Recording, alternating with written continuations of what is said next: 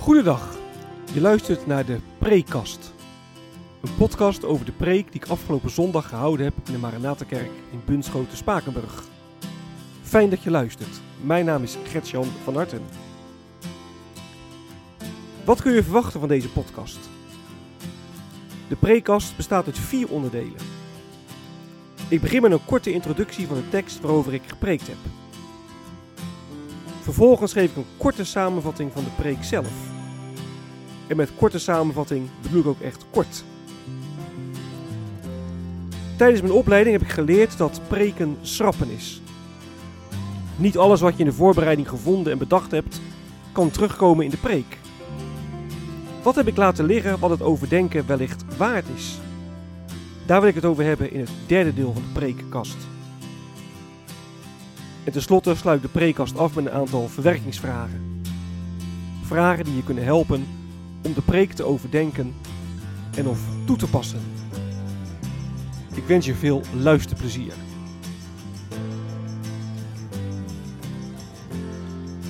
De tekst.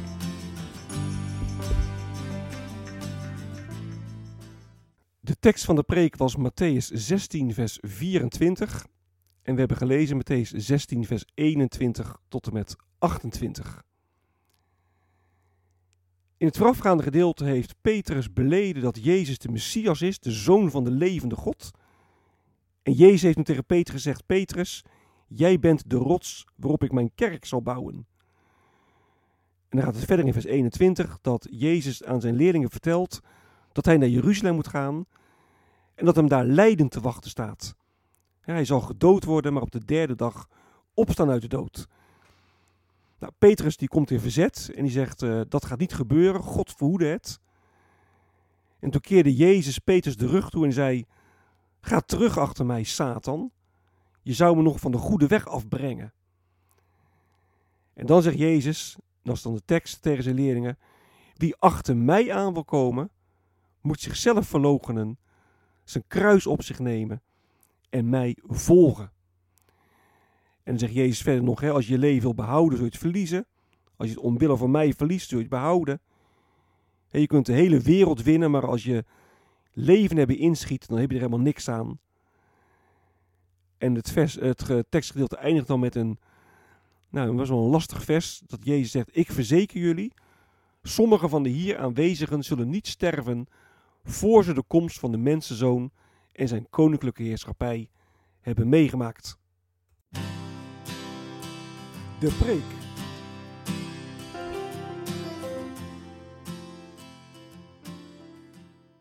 Jezus of je leven. Dat is het thema van de preek. Jezus of je leven. Een bekend eh, gezegde zegt: ieder mens heeft zijn kruis te dragen. En daarmee bedoelen wij dan uh, ieder mens die heeft met moeilijkheden te maken in zijn leven. Ja, dat kan dan van alles zijn. De een die, die lijdt aan ziekte, weer een ander die uh, heeft huwelijksproblemen, een derde heeft psychische problemen of geldzorgen.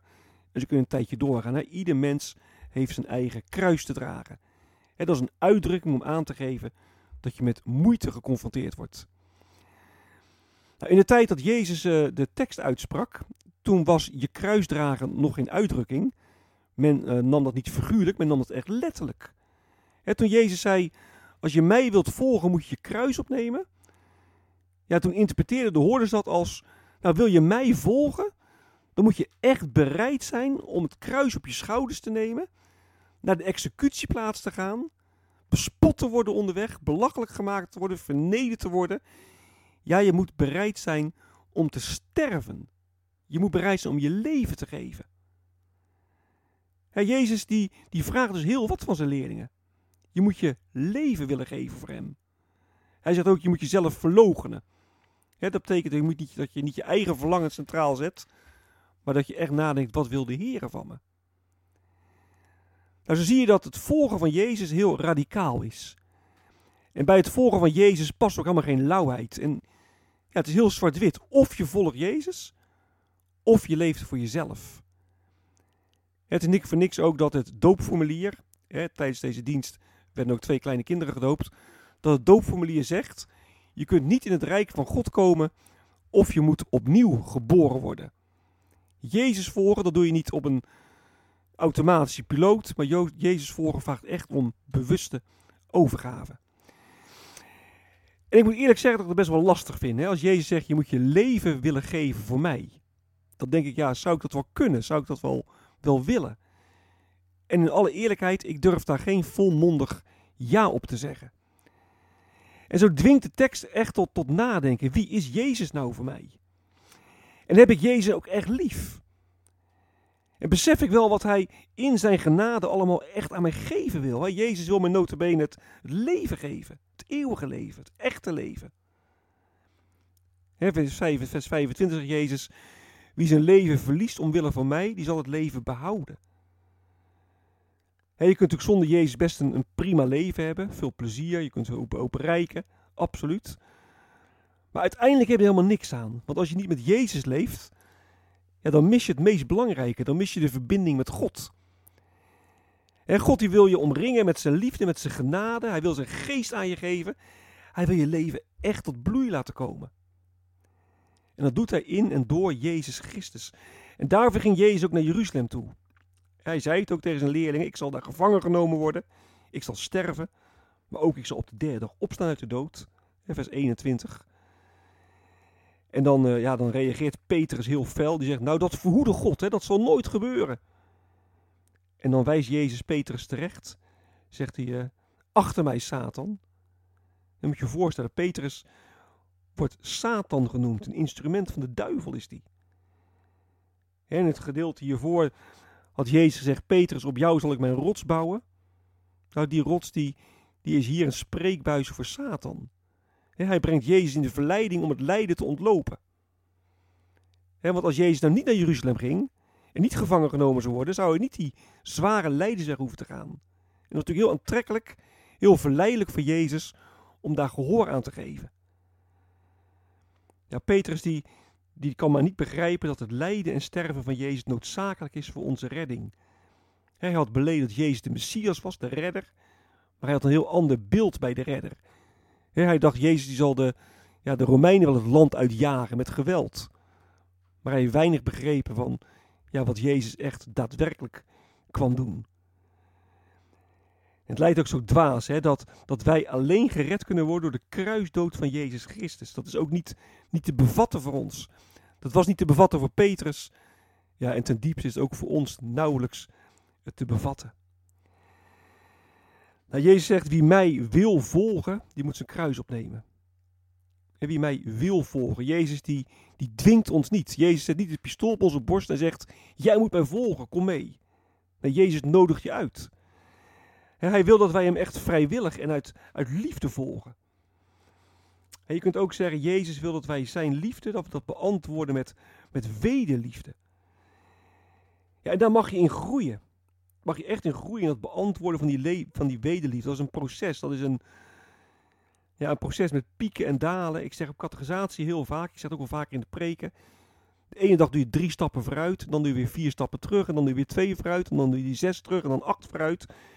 Het is een proces en daar mag je echt heel je leven lang in groeien. En, en, bidden kan ook ontzettend behelpen. Dat je de Heer zoekt in gebed. Je bidt ook om, om de geest dat hij ook krachtig in je gaat, gaat werken. Bijbel lezen ook zo belangrijk. Dat je ook echt jezelf voedt met, met alles wat, ja, wat God aan ons geven wil. Je leest over het evangelie van de Heer Jezus en dat echt tot je hart laat doordringen. Gesprekken met, met broeders en zusters kun je ook ontzettend helpen. Kan ook heel opbouwend, heel bemoedigend zijn als je met, ja, met een gemeentelid praat over ja, wat God in zijn of in haar leven doet en heeft gedaan. Dat kan ook voor jezelf helpen om te groeien in die liefde voor God. En uiteindelijk, als het gaat om volgen van Jezus, is het ook heel goed om te realiseren dat het om volgen gaat. Jezus gaat voorop. Hoeven het allemaal niet uit eigen kracht te doen. En Jezus is ons letterlijk en figuurlijk voorgegaan met, met het opnemen van het kruis. Hij stierf op Golgotha ja, om ook jou tot kind van God te kunnen maken. En hij nodigt ons uit om hem in geloof te volgen. En daarom heb ik de preek ook uh, beëindigd met de vraag: wat is jouw volgende stap. Wat is blijven liggen?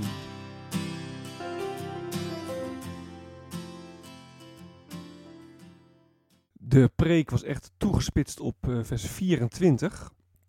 Maar we hebben 21 tot en met 28 gelezen. En er zitten wel een aantal elementen in die het overdenken meer dan waard zijn. Maar die in de preek verder niet uh, teruggekomen zijn. Het eerste dat ik wil noemen is uh, de rol van Petrus. Ik heb het wel heel kort even in de preek genoemd. Maar het is ook opvallend hè, dat hier voorafgaand aan een tekstgedeelte. Uh, Petrus met die fantastische belijdenis komt. U bent de Messias, de zoon van de levende God. En dat dan Jezus zegt: hè, Jij bent de rots waarop ik mijn kerk zal bouwen. En vlak daarna blijkt dus die Pe diezelfde Petrus een instrument van Satan te zijn. En dat geeft ook wel te denken. Hè? Wij zijn kinderen van God, geroepen om voor de Heer te leven, geroepen om Hem te volgen.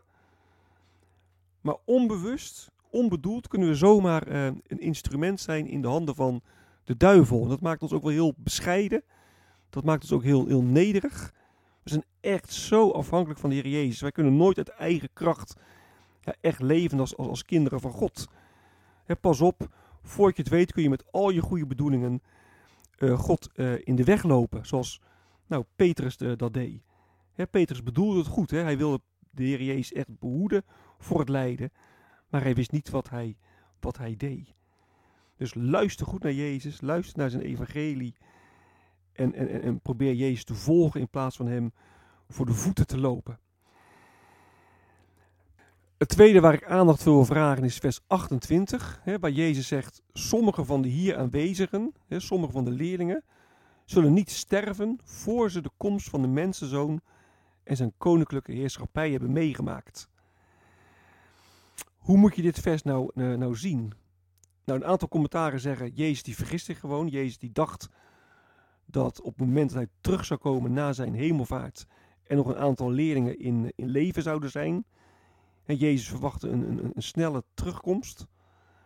En uh, ja, daar heeft Jezus zich in vergist, hè, want uh, alle leerlingen zijn ondertussen gestorven en de mensenzoon is, nog steeds niet teruggekomen. Nou, ik, ik, ik volg deze uh, uitleg absoluut niet. Ik geloof er niks van dat Jezus zich vergist. Ik las een aantal andere commentaren en, en, en nou ja, daar zou ik nog verder over door moeten denken, maar daar kon ik op zich wel wat mee. Die zeggen, ja, Jezus die verwijst hier naar de verheerlijking op de berg.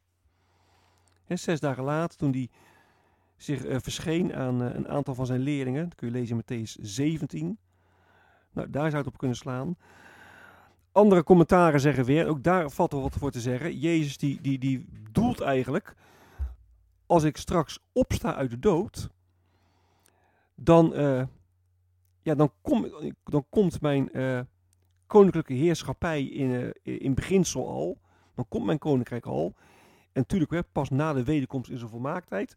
Maar als ik opsta uit de dood, dan kom ik in mijn koninklijke heerschappij. Dan komt de mensenzoon. Dus het gaat hier over uh, zijn opstanding uit de dood. Nou, sommigen zullen niet sterven voordat ik opsta, uit de dood. Dat levert ook wel wat vragen op, want alleen Peter, of alleen uh, Judas, sorry, Judas die Jezus verlogende, die leefde toen, uh, toen niet meer. De rest leefden ze allemaal. Nou, het is best een, een lastige tekst die ook uh, meer doordenking wel, uh, nou, wel meer doordenking vraagt. Waar ik in de preek dus verder geen aandacht aan besteed heb. En het laatste dat ik wil noemen, dat is dat Jezus in de tekst zegt, hè, als je mij wil volgen, dan moet je jezelf verloochenen. En er zijn er mensen die zeggen, ja, maar jezelf verlogen is helemaal niet goed. Hè? Dat is slecht voor je, ja, voor, je, voor je zelfbeeld. Dat is slecht voor je psychische gezondheid. Je moet jezelf niet verloochenen. Je moet juist opkomen voor jezelf. Je moet assertief zijn. Je moet niet over je heen laten lopen. Nou, ik heb geen eh, psychologie gestudeerd. Ik ben ook geen psycholoog. Maar ik geloof niet dat Jezus hier zegt, je moet over je heen laten, uh, over je heen laten lopen. En Jezus zegt ook niet, jij bent niet belangrijk, cijfer jezelf maar weg voor andere mensen. Zelfverloochenen betekent ook niet denken dat je minder waard bent dan andere mensen. Zelfverloochenen betekent niet ik mag er niet zijn.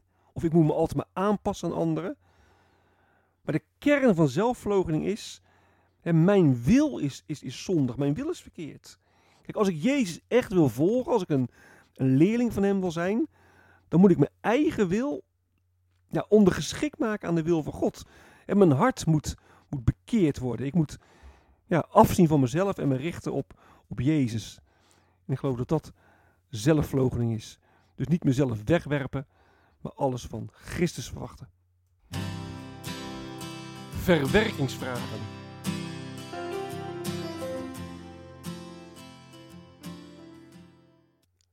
Nou, de eerste vraag is natuurlijk voor de hand liggend. Dat is een, eh, een inkoppertje. Uh, Jezus zegt, als je mij wil volgen, dan moet je jezelf verloochenen en, je, kruis opnemen, je kruis op je nemen. En dan is de vraag natuurlijk, in hoeverre ben jij nou echt een volgeling van Jezus Christus? He, verlogen jij jezelf ook? Wat blijkt dat dan uit? Ben je bereid om je kruis op je te nemen? En de tweede vraag is, hoe ver wil jij daarin gaan in het opnemen van je kruis? Wat, wat mag het jou kosten om Jezus te vervolgen? Ja, als je kruis op je nam, dan ging je naar de executieplaats. Onderweg werd je ook bespot, werd je belachelijk gemaakt. Nou, wil jij ook ja, belachelijk gemaakt worden vanwege je geloof? Of schrik je daarvoor terug en nou, ga je dan maar water bij de wijn doen? Hoe radicaal zijn wij als gemeente in het volgen van Jezus? Ja, wij zijn natuurlijk een, een, volkskerk hier in, eh, in Bunschoten Spakenburg. Nou, volkskerk en volgen van Jezus, dat, dat gaat niet samen, want volgen van Jezus doe je met heel je hart. En niet omdat je al geslachtelang in de kerk zit, maar je moet echt zelf bewust kiezen voor Jezus Christus. Dus hoe radicaal zijn wij als gemeente nou in het volgen van Jezus? En de laatste vraag is, hoe kunnen we elkaar nou helpen en stimuleren om Jezus te volgen? we zijn een geloofsgemeenschap, we zijn aan elkaar gegeven. We mogen met elkaar op weg naar de, de grote dag van Jezus' wederkomst. We mogen elkaar bemoedigen, elkaar aanscherpen, elkaar troosten, elkaar vermanen als het nodig is. Maar hoe kunnen we elkaar nu stimuleren op een goede manier en helpen om, uh, om Jezus Christus te volgen? Dit is het einde van de prekast. Mocht je vragen of opmerkingen hebben, dan kun je me mailen op mailadres van hartengretjan.gmail.com van hartengretjan.gmail.com Ik wens je nog een hele prettige dag. Hartelijk dank voor het luisteren. En wie weet, tot een volgende keer.